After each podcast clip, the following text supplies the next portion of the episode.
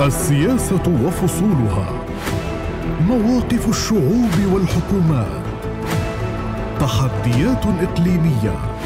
متغيرات دولية. والصورة من كل الاتجاهات.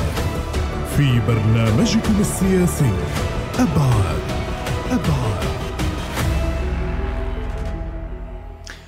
السلام عليكم ورحمة الله. أهلا بحضراتكم في حلقة جديدة من برنامج بعاد. هذا البرنامج السياسي متابعينا الكرام الذي نستعرض فيه أبرز المستجدات على الساحة الفلسطينية من خلال متابعاتنا للمشهد من أبعاده المختلفة ومحاولة التنبؤ بسيناريوهاته أيضا من خلال ضيوف كارم وأبعاد مختلفة لنحاول أن نصل لمآلات المشهد. وسيناريوهاته المحتملة ومساراته. في هذا الأسبوع الحديث عن المسجد الأقصى آه، أولى القبلتين.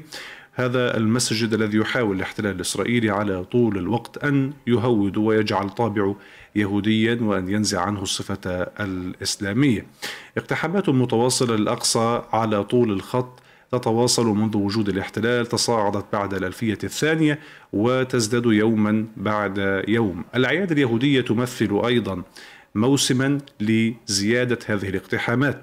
بعد آه، ساعات قليلة يوم غد الثلاثاء والأربعاء يصادف آه، عيد المساخر آه، العبري اليهودي. وفي هذا العيد هناك مخططات كبيرة تدعو لها جماعات الهيكل المزعوم لاقتحامات واسعة للمسجد الأقصى في هذا العيد وأداء الطقوس التلمودية. نسأل في أبعاد في هذا اليوم عن هذه المخططات الإسرائيلية إلى أين وصلت وما أهدافها بالأساس عن الحكومة الإسرائيلية الجديدة الموجودة على سدة الحكم بقيادة نتنياهو وبدعم من أقصى اليمين من سموتريتش وبن كيف سينعكس, سينعكس ذلك على الفعاليات في المسجد الأقصى الإسرائيلية وزيادة معدل الإجرام الإسرائيلي وانتهاك حرمة الأقصى في الأعياد اليهودية. نسأل كذلك ونحاول أن نستفهم ما المطلوب فلسطينية للتصدي لهذه الاقتحامات سواء في هذا العيد أو في الأيام العادية خاصة مع زيادة الدعم الرسمي الإسرائيلي. لهكذا أفعال إجرامية من المفترض أنها تخالف القوانين الدولية وحتى الشرائع السماوية. أهلا بكم في أبعاد وفي هذه الحلقة نتحدث تحت عنوان مع اقتراب شهر رمضان تحذيرات من تحشيد جماعات الهيكل المزعوم لاقتحامات واسعة للأقصى بذريعة ما يسمى بعيد المساخر العبري. نحاول أن نقرأ هذا المشهد من مختلف أبعاده مع ضيوف الأكارم ابتداء من الأستاذ ناصر الهدمي رئيس الهيئة المقدسية لمناهضة التهويد من القدس المحتلة. أستاذ ناصر مساء الخير أهلا بك معنا. حياكم الله أهلا وسهلا بكم أهلا بك اذا القدس هي دائما محط لاعتداءات الاحتلال وأطماعه التهويديه. دعنا نبدأ ابتداء من الفكرة من آه، آه، ما يسمى بعيد المساخر اليهودي وكيف تسير أيام هذا العيد اسرائيليا. نعم. بسم الله الرحمن الرحيم تحية لك ولجمهور المشاهدين. حقيقة نعيش اليوم ظروف أصبحت فيه القدس هي آه، العقدة لدى الاحتلال تشكل القدس هاجسا لدى الاحتلال كونه لم يستطع حتى يومنا هذا أن يثبت أنه هو صاحب السيادة الوحيدة في المدينة وأنه يمتلك السيطرة الكاملة على هذه المدينة. وهذا سبب له عقدة حقيقة كونه آه، يعني يعمل ليل نهار من أجل الحصول على اعتراف دولي بالقدس عاصمة موحدة له وحصل على الاعتراف الأمريكي ولكن هذا الاعتراف بقي وحيدا ويبدو أنه يعني يتراجع بعد أن فقد الاحتلال السيطرة الكاملة على المدينة المقدسة. آه، ليس فقط بفعل أهل مدينة القدس أيضا بفعل سلطات الاحتلال التي يعني بغبائها أثبتت للعالم أن القدس مقسمة، أثبتت للعالم أن القدس فيها من ينازع الاحتلال السيادة والسيطرة. آه، هذا عنوان العريض تبع آه، آه، الذي يعني نستطيع أن نقوله على الأيام والمرحلة القادمة. الآن موضوع عيد المساخر هو عيد ليس عيدا دينيا ولكن على الرغم من ذلك نرى أن سلطات الاحتلال تستغله لمصالح استيطانية تهويدية تغلف بغلاف ديني في موضوع تدميس المسجد الأقصى المبارك واقتحامه وهذا نقطة مهمة أستاذ ناصر الحديث عنها فيما يتعلق بأنه حتى في خلال بحثنا في هذه الحلقة وإعدادها آه، عيد المساخر ليس عيدا آه، خرج. نعم. في التوراة أو نص عليه دينيا إنما هو من اختراع الكهنة الإسرائيلية ليس كذلك صحيح م. ولذلك نرى أن الاحتلال لا يضيع فرصة أبدا في استغلال كل مناسبة من هدف آه، بهدف السيطرة والتهويد للمسجد الأقصى المبارك. الآن علينا أن نعي تماما أن موضوع المسجد الأقصى المبارك ليس موضوعا دينيا بحتا على الرغم من استخدام العنوان الديني في آه، آه، آه، اقتحام المسجد الأقصى المبارك وفي السيطرة عليه. القضية قضية سيادة. الاحتلال يرى أن سيادته تبقى منقوصة ما لم يسيطر بشكل كامل على المسجد الأقصى المبارك. هو لا يريد أن يرى حكومة أردنية مثلا ممثلة بدائرة الأوقاف الإسلامية لها سيادة داخل ما يسميه الاحتلال أرض إسرائيل لها سيادة في أهم مكان رأى تأثيره على الأمة الإسلامية وعلى الشعب الفلسطيني بشكل خاص. رأينا كيف المسجد الأقصى المبارك استطاع أن يوحد الشعب الفلسطيني في أكثر من مناسبة، واستطاع الشعب الفلسطيني بوحدته أن يدفع الاحتلال على التراجع، وأفقد الاحتلال السيطرة الكاملة على المدينة المقدسة العاصمة بين قوسين. لذلك نعم هو يرى أن موضوع السيطرة على المسجد الأقصى المبارك يستحق كافة الأولويات كافة الإمكانيات حتى استغلال أعياد ليس لها علاقة في المكان ليس علاقة ليس لها علاقة في الدين حتى حسب ادعائه ولكن يستغلها من أجل اقتحام المسجد الأقصى المبارك. وهذا الذي نشاهده اليوم. نعم فيما يتعلق أيضا بالبرنامج هناك حديث عن طقوس هذه الأعياد اليهودية تختلف فيما بينها إلا أنها في مجملها وكلها هي طقوس تلمودية تحاول التهويد وإجراء رقصات وما إلى ذلك هذا العيد على ما يبدو أيضا يحتوي على طقوس إضافية من خلال شرب الخمور إلى حد الثمان لو تحدثنا عن هذه النقطة هل هناك مخطط لإدخال الخمور إلى باحات الحرم القدس الشريف يوم غد وبعد غد؟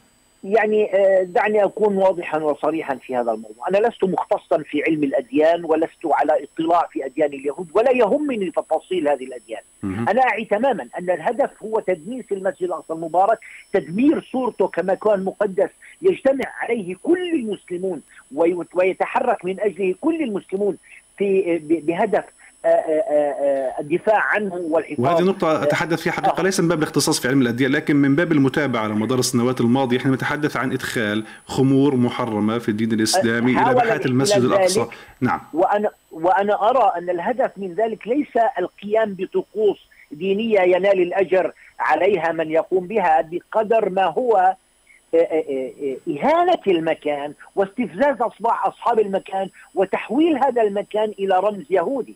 هنا يعني هذا الذي يهمني في الموضوع إنه الآن الصراع وطبيعة المواجهة مع الاحتلال هي أن الاحتلال يريد أن يثبت سيادة، يريد أن يثبت سيطرة، يريد أن يدمر كل ما هو غير يهودي كل ما هو غير إسرائيلي في المكان، فهو لا يريد أن يرى هوية إسلامية فلسطينية عربية في المكان ويريد أن يستفز المسلمون لكي يطبع عملية دخول اليهود إلى المكان ووجود اليهود في المكان وبعد ذلك تحويل المكان إلى مكان يهودي.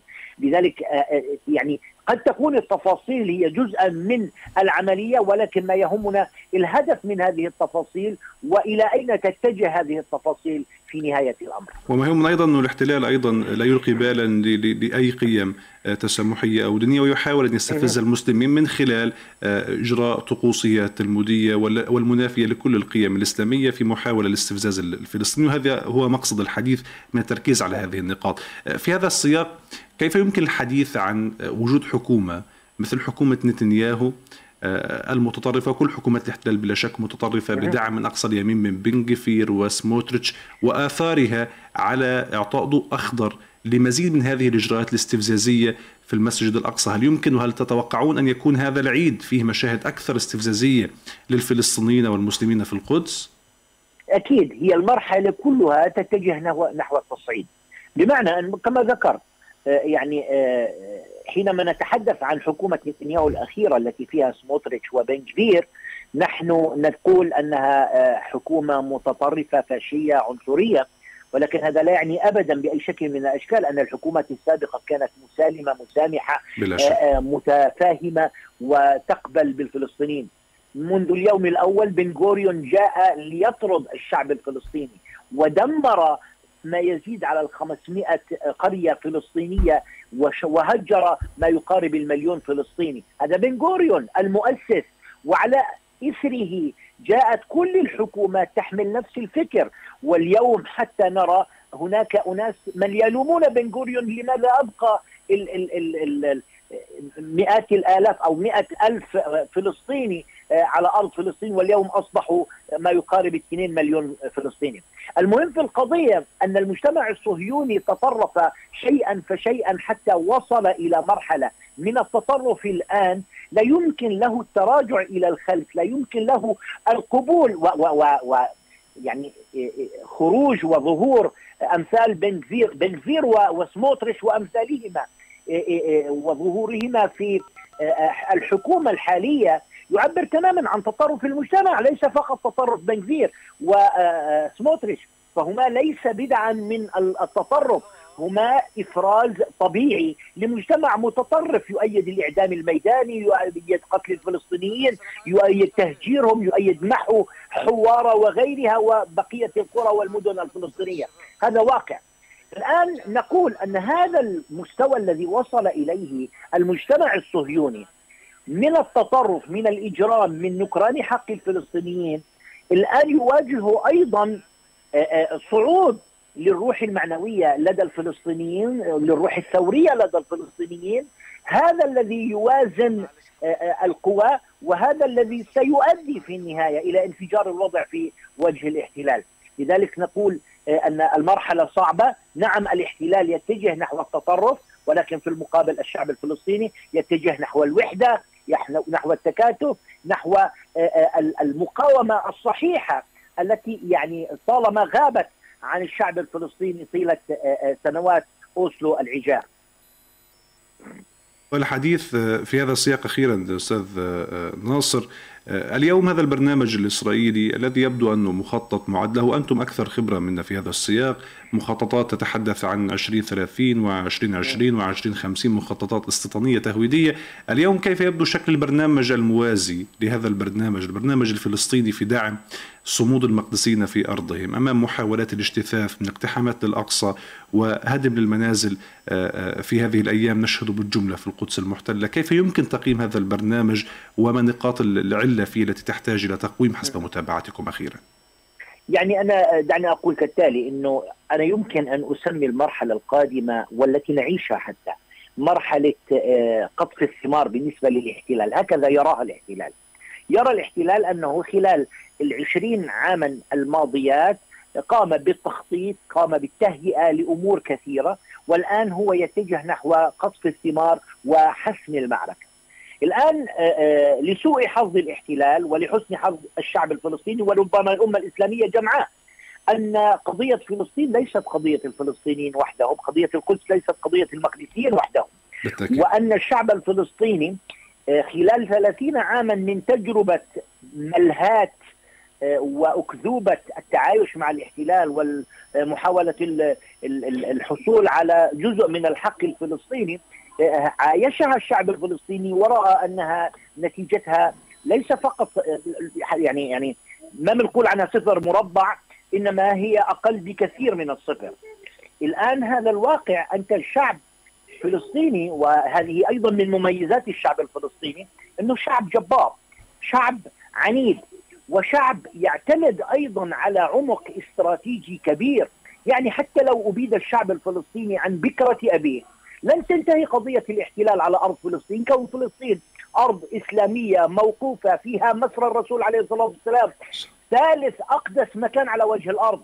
فلن تنتهي بأي شكل من الأشكال. الآن حتى هذا لم نصل إليه فمعنى الاحتلال في مأزق كبير. والاحتلال اليوم يعيش مرحلة من التخبط مرحلة من الانقسام مرحلة من الفاشية التي رأى العديد من مفكري الاحتلال أنها ستؤدي أيضا بالضرر إلى على الاحتلال نفسه وعلى مستوطنيه. لذلك نرى هذا الانقسام الموجود.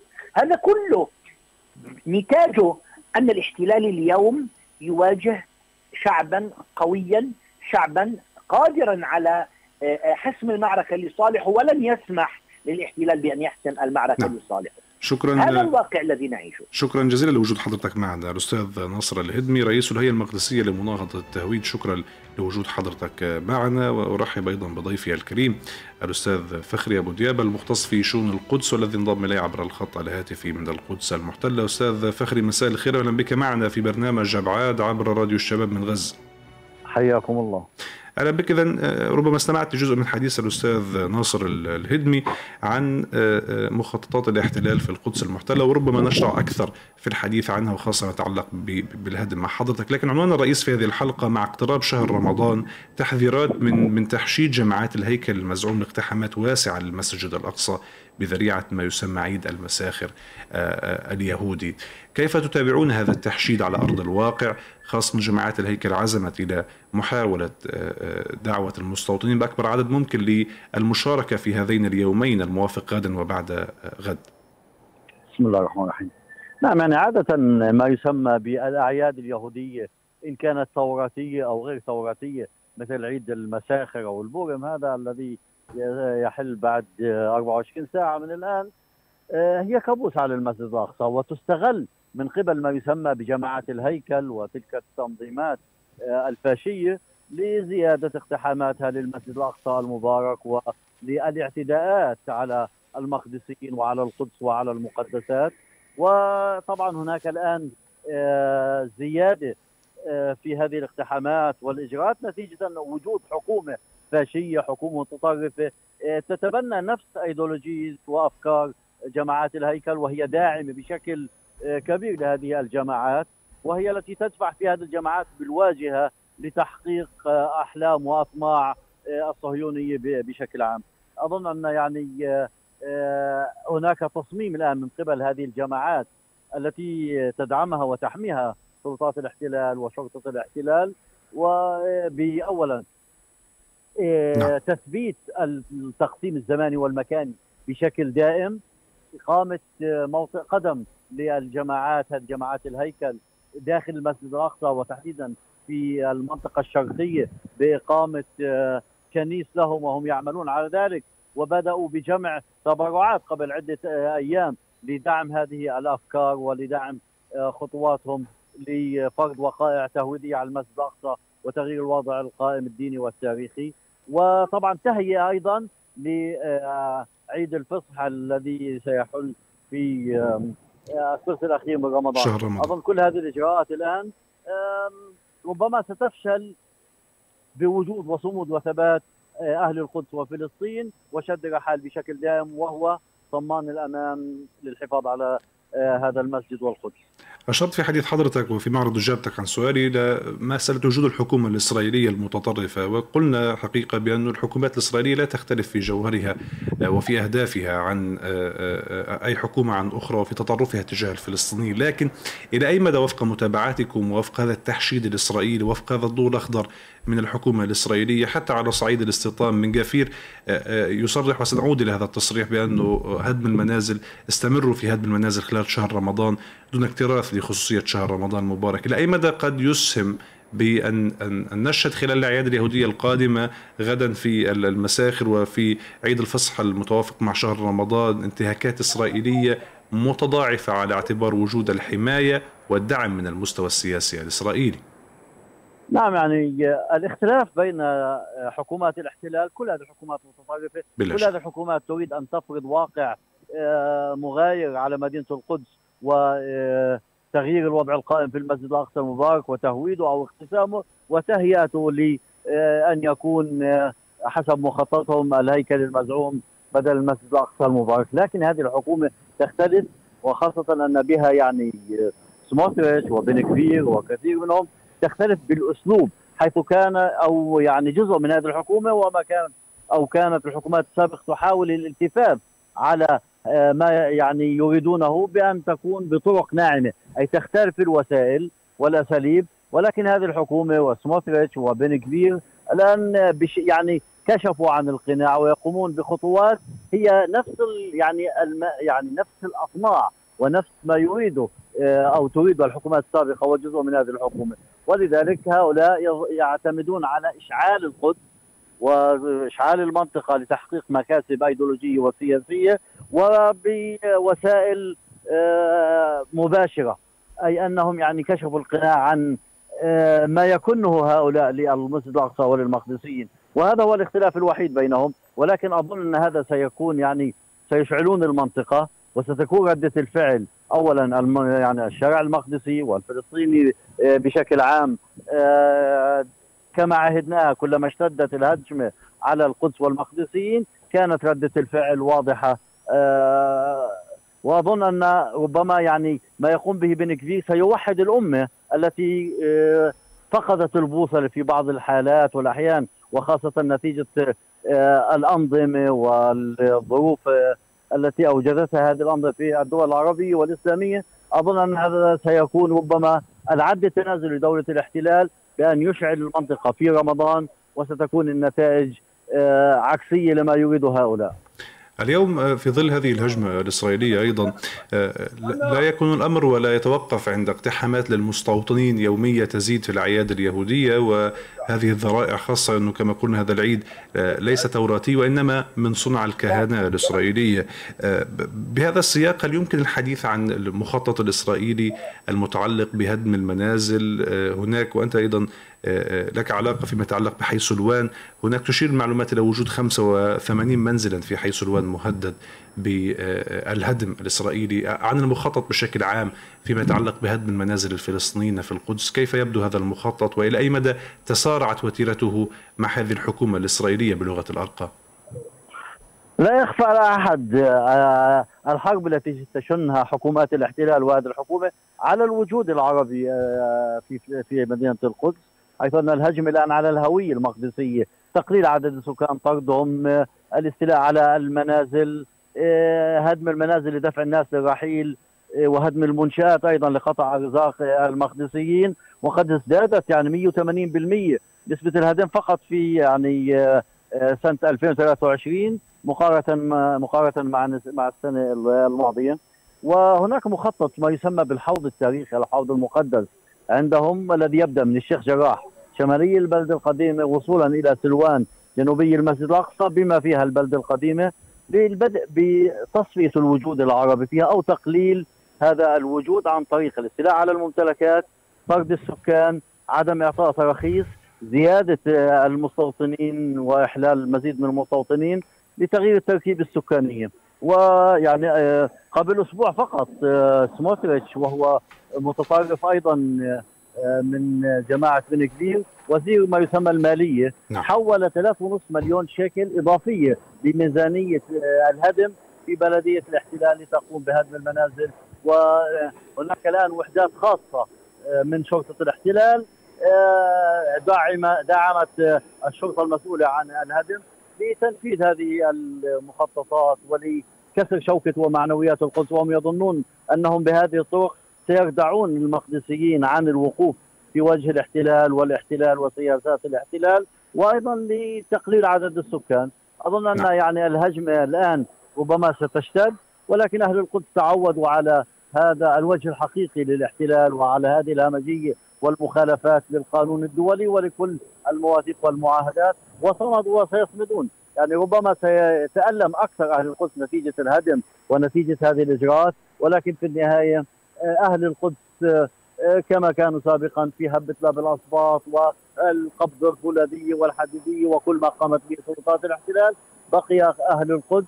والاحتلال الذي لابد أن يزول نتيجة هذا الصمود والثبات والتحدي وهذا تخبط من هذه الدولة وهذه الحكومة الاحتلالية ولكنها هي التي ستشعل المنطقة بشكل كبير إذا ما يعني أقدموا على هدم آه، جماعي أو طرد السكان. نعم. هم يريدون في هذا السياق أستاذ فخري وتخفيف نعم, نعم. ومن باب المتابعة حقيقة المقاطعة آه، الشواهد كثيرة ربما كان هناك اجتماع أمني بين قيادة الاحتلال وقيادة السلطة الفلسطينية برام الله. هذا الاجتماع خلص فيما خلص إليه لا تهدئة الأوضاع وإن كانت تهدئة مؤقتة وقف للاستيطان وإن كان أيضا آه، بالشكل الذي رفض فلسطينيا فيما يتعلق بوقف الاستيطان لستة أشهر. الشواهد كانت سريعة في ما جرى في نابلس واعتداء المستوطنين على حوارة اليوم أيضا يبدو أنه تصريحات بن جفير فيما يتعلق ب الدعوة للشرطة الإسرائيلية بالاستمرار بعمليات الهدم خلال شهر رمضان المبارك. يبدو أنها تعطي أيضا دليلا آخر على فشل نتائج هذه الحوارات الأمنية مع الاحتلال وأن الاحتلال لم يلتزم بها رغم أن بنودها تعتبر بنود غير مرضية فلسطينيا بالبتة لا أعلم إذا سجل التاريخ آه، أي اتفاقية وهو لم يسجل. بين الاحتلال والدول العربية والأنظمة العربية والسلطة وقد احترمته دولة الاحتلال. بل دائما ما تستخدم هذه الوسائل أو هذه الجلسات وهذه الاتفاقيات لمصالحها ولربما آه، آه، أن تكون المؤسسات العربية والسلطة الفلسطينية جزء من آه، ما يقوم به الاحتلال ل عقوبة كعقوبة أو ربما لتهدئة الجانب الفلسطيني أي ليقبل ما تقوم به آه، غلاة يقومون به غلاة المتطرفين ودولة الاحتلال. هذه يعني آه، آه، الاحتلال أصلا في اتفاقيات اللي وقعها في أوسلو حسب الاتفاقية. وفي البو... في البند السابع كان يجب أن يكون 1999 وأن تكون حتى منطقة سي ومنطقة بي تابعة للدولة الفلسطينية وأن لا يتواجد فيها قوات الاحتلال. ونحن بعد ذلك بعشرات السنين. لم يعني لم نرضى عن هذه الاتفاقيات وهذه الجلسات ولأننا نعي تماما أن هذا الاحتلال هو احتلال ويحاول أن يجير إيه، حتى السلطة الفلسطينية ضد الفلسطينيين وما إيه، قاله بن كبير ليس غريبا حيث أن هؤلاء يعملون على التطهير العرقي في القدس وفي فلسطين وهم يريدون أن لا يكون أمامهم يعني حتى السلطة الفلسطينية يعتبرها بن كبير هي وكيل أمني لتساعد بن كبير والحكومة الاحتلالية على آه، مشاريعها التهويدية والقمعية والهدم والطرد والتشريد.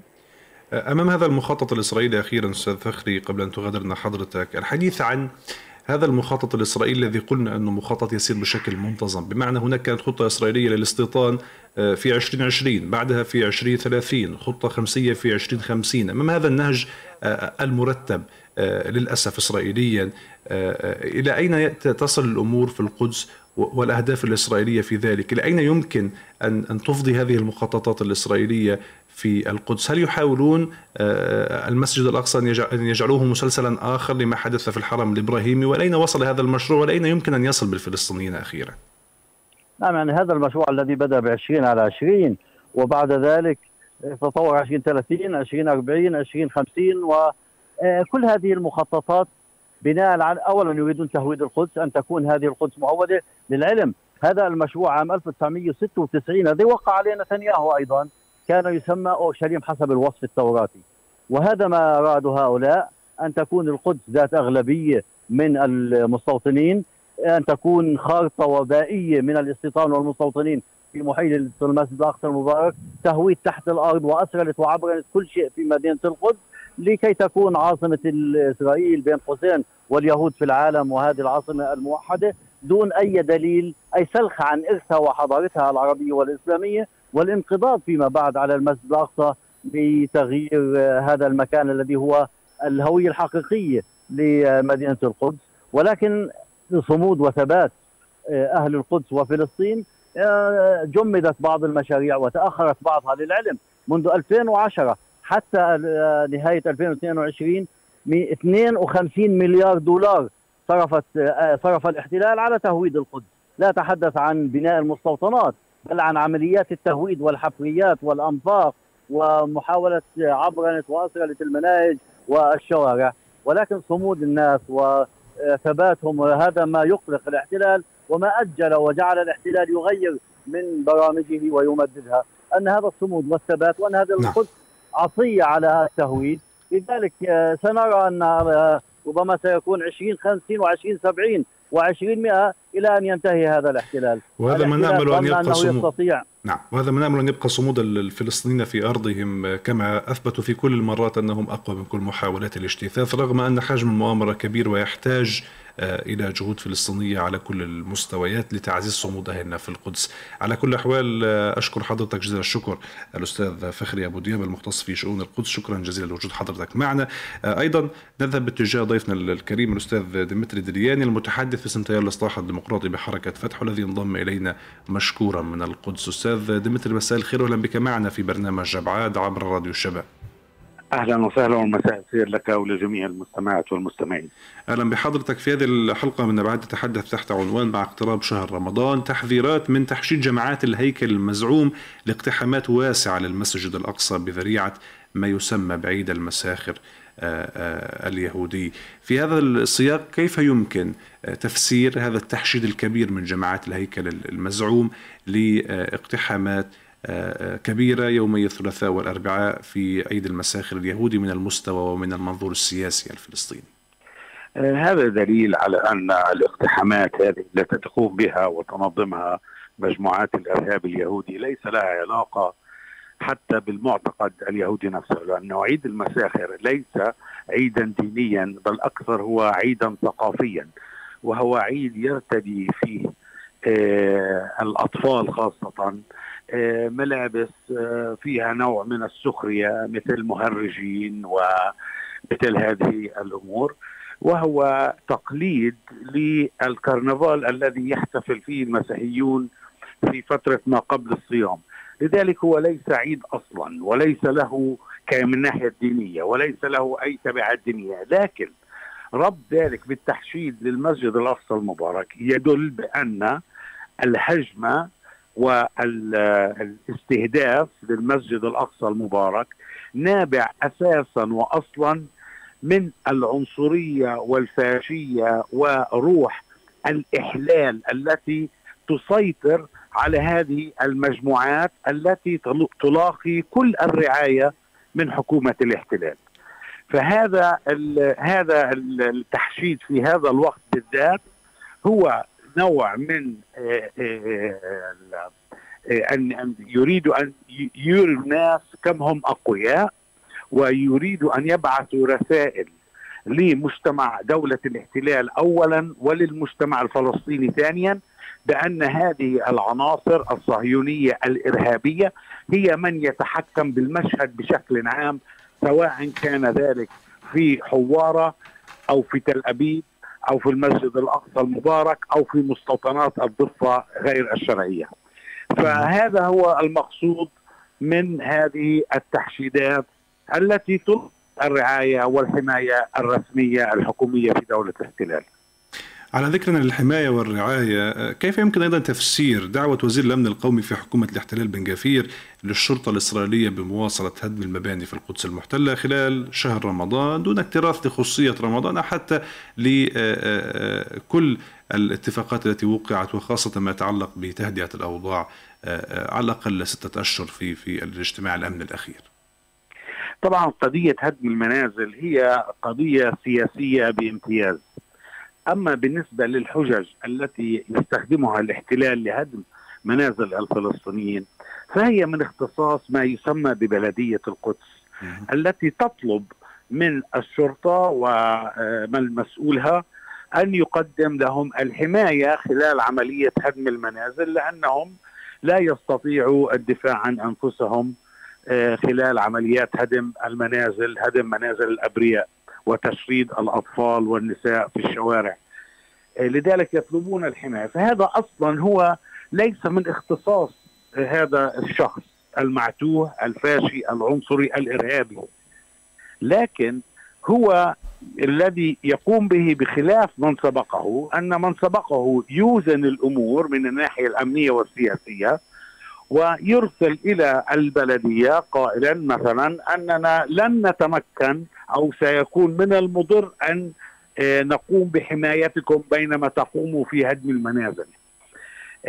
أما هذا المعتوه فهو يتبرع بأن يقول للبلدية أنها أنه مستعد لتوفير لهم الحماية للهدم. وهذا طبعا بالتزاوج مع وجود عناصر يمينية متطرفة ممثلين للمصالح الاستيطانية وجماعات الإرهاب اليهودي داخل مجلس البلدية يشكل الخطر الأكبر بحيث يتوحدا في الهدف الأسمى بالنسبة لهم وهو خلق بيئة طاردة للمواطن الفلسطيني وهذه الممارسات من هدم منازل واعتقالات ومصادرات إحدى السبل لخلق هذه البيئة الطاردة وأيضا تتخذ آه، اسلوبا منافيا للقوانين والشرائع الإنسانية والدولية. دكتور أستاذ ديمتري فيما يتعلق أيضا بهذا هذا هذه النقطة بالتحديد نقطة انه هذا المخططات الإسرائيلية التي نتحدث عنها سواء باقتحام المسجد الأقصى بشكل يومي وكانه يبدو مشهد عفوا هو مشهد مخطط له ومرسوم ويقود المتطرفون وحتى بن جفير وأمثاله. في المشهد الآخر مشهد الاقتحامات والذرائع والحجج المتعلقة بالبناء دون ترخيص أيضا هو مشهد مرسوم ومخطط له. كنت أتحدث مع ضيوف الذين سبقوا حضرتك بأنه حتى الخطط الإسرائيلية خطط زمنية لها أزمان بعيدة بمعنى خطط 2020 خطط 2050 في هذا السياق كيف يمكن تفسير أو توصيف الخطة الفلسطينية المجابهة على الأرض آه، فيما يتعلق بتعزيز صمود الناس وتعزيز صمود المقدسين على أرضهم أمام هذه المحاولات المحمومة والمسمومة لاجتثاث الفلسطينيين من أرضهم في القدس وتحويل آه، واقعها الديني والتاريخي. إيه، علينا العودة في هذا الموضوع إلى الجهد الذي بذله هؤلاء الإرهابيون المستوطنون في بداية الثمانينات حينما استطاعوا أن يصنفوا المسجد الأقصى المبارك كحدائق عامة وساحات عامة. أي أن ساحات المسجد هي ساحات عامة. وفقا لقانون دولة الاحتلال هذا يدعو للشرطة لتوفير الحماية لأي مواطن يحمل الهوية الإسرائيلية يريد أن يتنزه في الساحات والحدائق العامة. وهنا يأتي سوء الاستخدام الذي أصلا كان مزروعا في هذه المبادرة التي بدت حينها بأنها آه، ليست بالخبث آه، الذي نعلمه الآن ولاقت حتى تأييدا من بعض آه، الوسط السياسي في دولة الاحتلال وأصبحت منذ الثمانينات الخطة تسري كيف يتم تقسيم المكاني والزماني للحرم القدسي الشريف طبعا كل هذا الوقت ونحن في سبات عميق ولم نستفيق إلى الموضوع إلا حينما نادى الشهيد الرمز أبا عمار بالثورة حينما اقتحم اريال شارون الحرم القدسي الشريف عام 2000 نعم.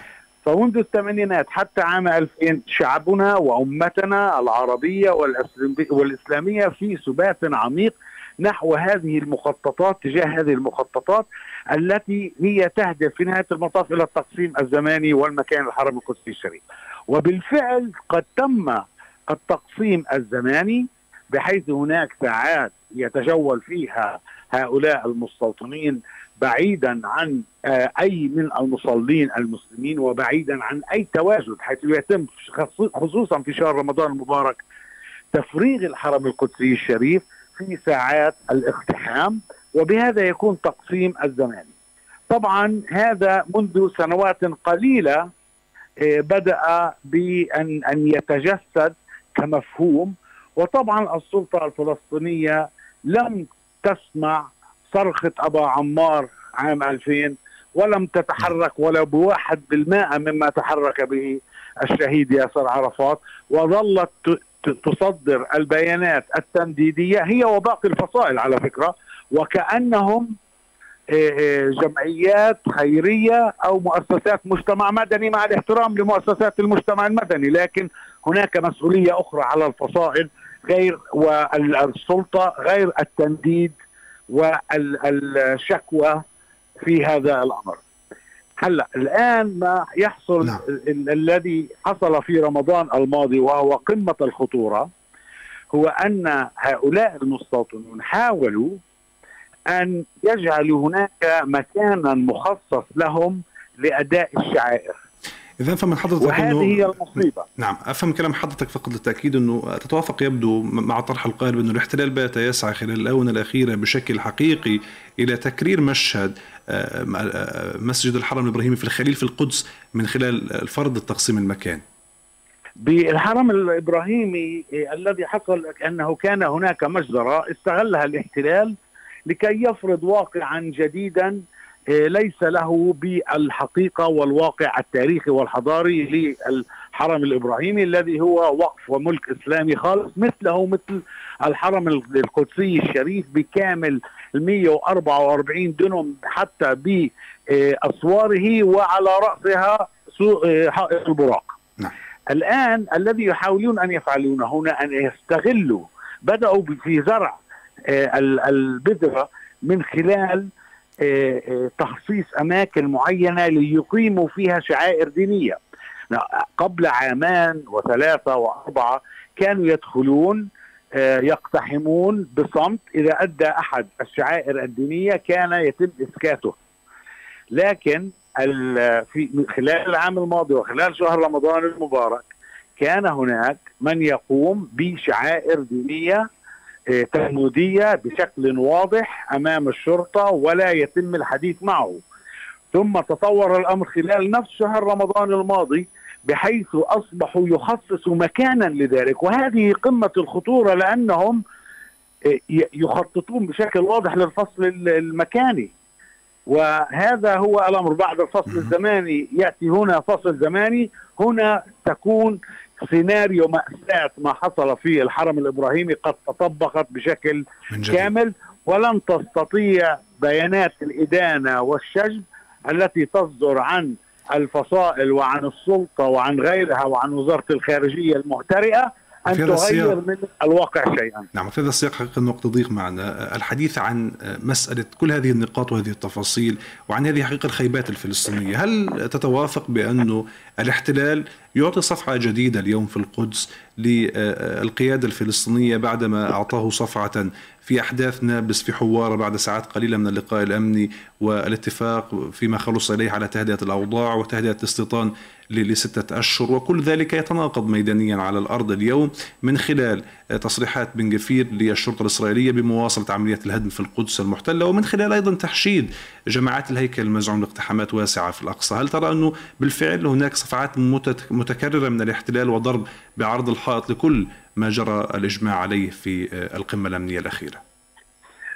طالما رضيت السلطة أن تكون آه، محصورة في زاوية التنسيق الأمني والخدمات الأمنية وتحصر علاقتها بالاحتلال على الجانب الأمني فالاحتلال آه، سيرضى بكل يعني فخر وسعادة بهذا الأمر ويتعامل مع السلطة على أنها آه، آه، جزء من منظومته الأمنية وأن العلاقة الأمنية والمستوى الأمني هو الذي يتحكم في العلاقة. لذلك نرى بأن مثلا الرئيس محمود عباس لا يقابل إلا وزير الخارجية لا رئيس وزراء منذ سنوات لا يقابل رؤساء وزراء دولة الاحتلال ولا حتى وزراء خارجية أو يقابل وزير الجيش وزير الحرب بالمعنى الأمني لأن هذه هي العلاقة هي علاقة أمنية. آه ف آه في بهذا الأمر لن يكون للسلطة أي نوع من الدور أو المكانة في الحسابات حسابات دولة الاحتلال فيما يتعلق بالمسجد الأقصى المبارك. العنصر الفلسطيني الوحيد في هذه المعادلة وهو المعطل الأكبر لتطبيق مخططات الاحتلال هو المواطن الفلسطيني المقدسي الصامد المقاوم الرافض لتغيير الأمر الواقع في الحرم القدسي الشريف وتواجد والتواجد الفلسطيني سواء من من يستطيع من باقي أنحاء الضفة الغربية شكرا. أو من أهلنا في الداخل الفلسطيني خاصة في شهر رمضان المبارك. ولا أتحدث هنا فقط عن صلاة التراويح أتحدث منذ الفجر وما قبل الفجر. من يستطيع أن يكون هناك فليكون هناك لأن مجرد وجوده وصموده وصلاته في المسجد الأقصى المبارك هي قمة النضال وهي العائق الوحيد أمام تطبيق مخططات دولة الاحتلال الإسرائيلي. شكرا. شكرا جزيلا لوجود حضرتك معنا الأستاذ ديمتري دلياني المتحدث باسم تيار الإصلاح الديمقراطي بحركة فتح شكرا لوجودك معنا. ونعم الحقيقة لشعبنا الفلسطيني. كما قلت هم دائما يثبتون أنهم آه، آه، رمانة هذه رمانة الميزان في هذه القضية وخندق المواجهة الأول أمام هجمات الاحتلال المتواصلة على القدس وفي غيرها من الأماكن. حقيقة لكن القدس بحكم الاشتباك المتواصل هم يثبتون أنهم أن الكف الفلسطيني يناطح المخرز الإسرائيلي خاصة أنه كف متعطر بدماء الشهداء وبهذه الأرض الزكية ومتجذر فيها. شكرا لوجود حضرتك معنا. أيضا الشكر موصول للاستاذ فخري أبو دياب المختص في شؤون القدس والشكر كذلك لضيفنا الأستاذ ناصر الهدمي رئيس الهيئة المقدسية لمناهضة التهويد. كان معنا مشكورا من القدس المحتلة آه، أيضا فيما يتعلق بهذا الحوار آه، في المسجد الأقصى هناك دعوة للتصدي لاقتحامات المستوطنين يوم غد الثلاثاء وبعد غد الأربعاء فيما يسمى بعيد المساخر اليهودي. وكما قال ضيوفي واجب على كل فلسطيني يستطيع الوصول إلى هناك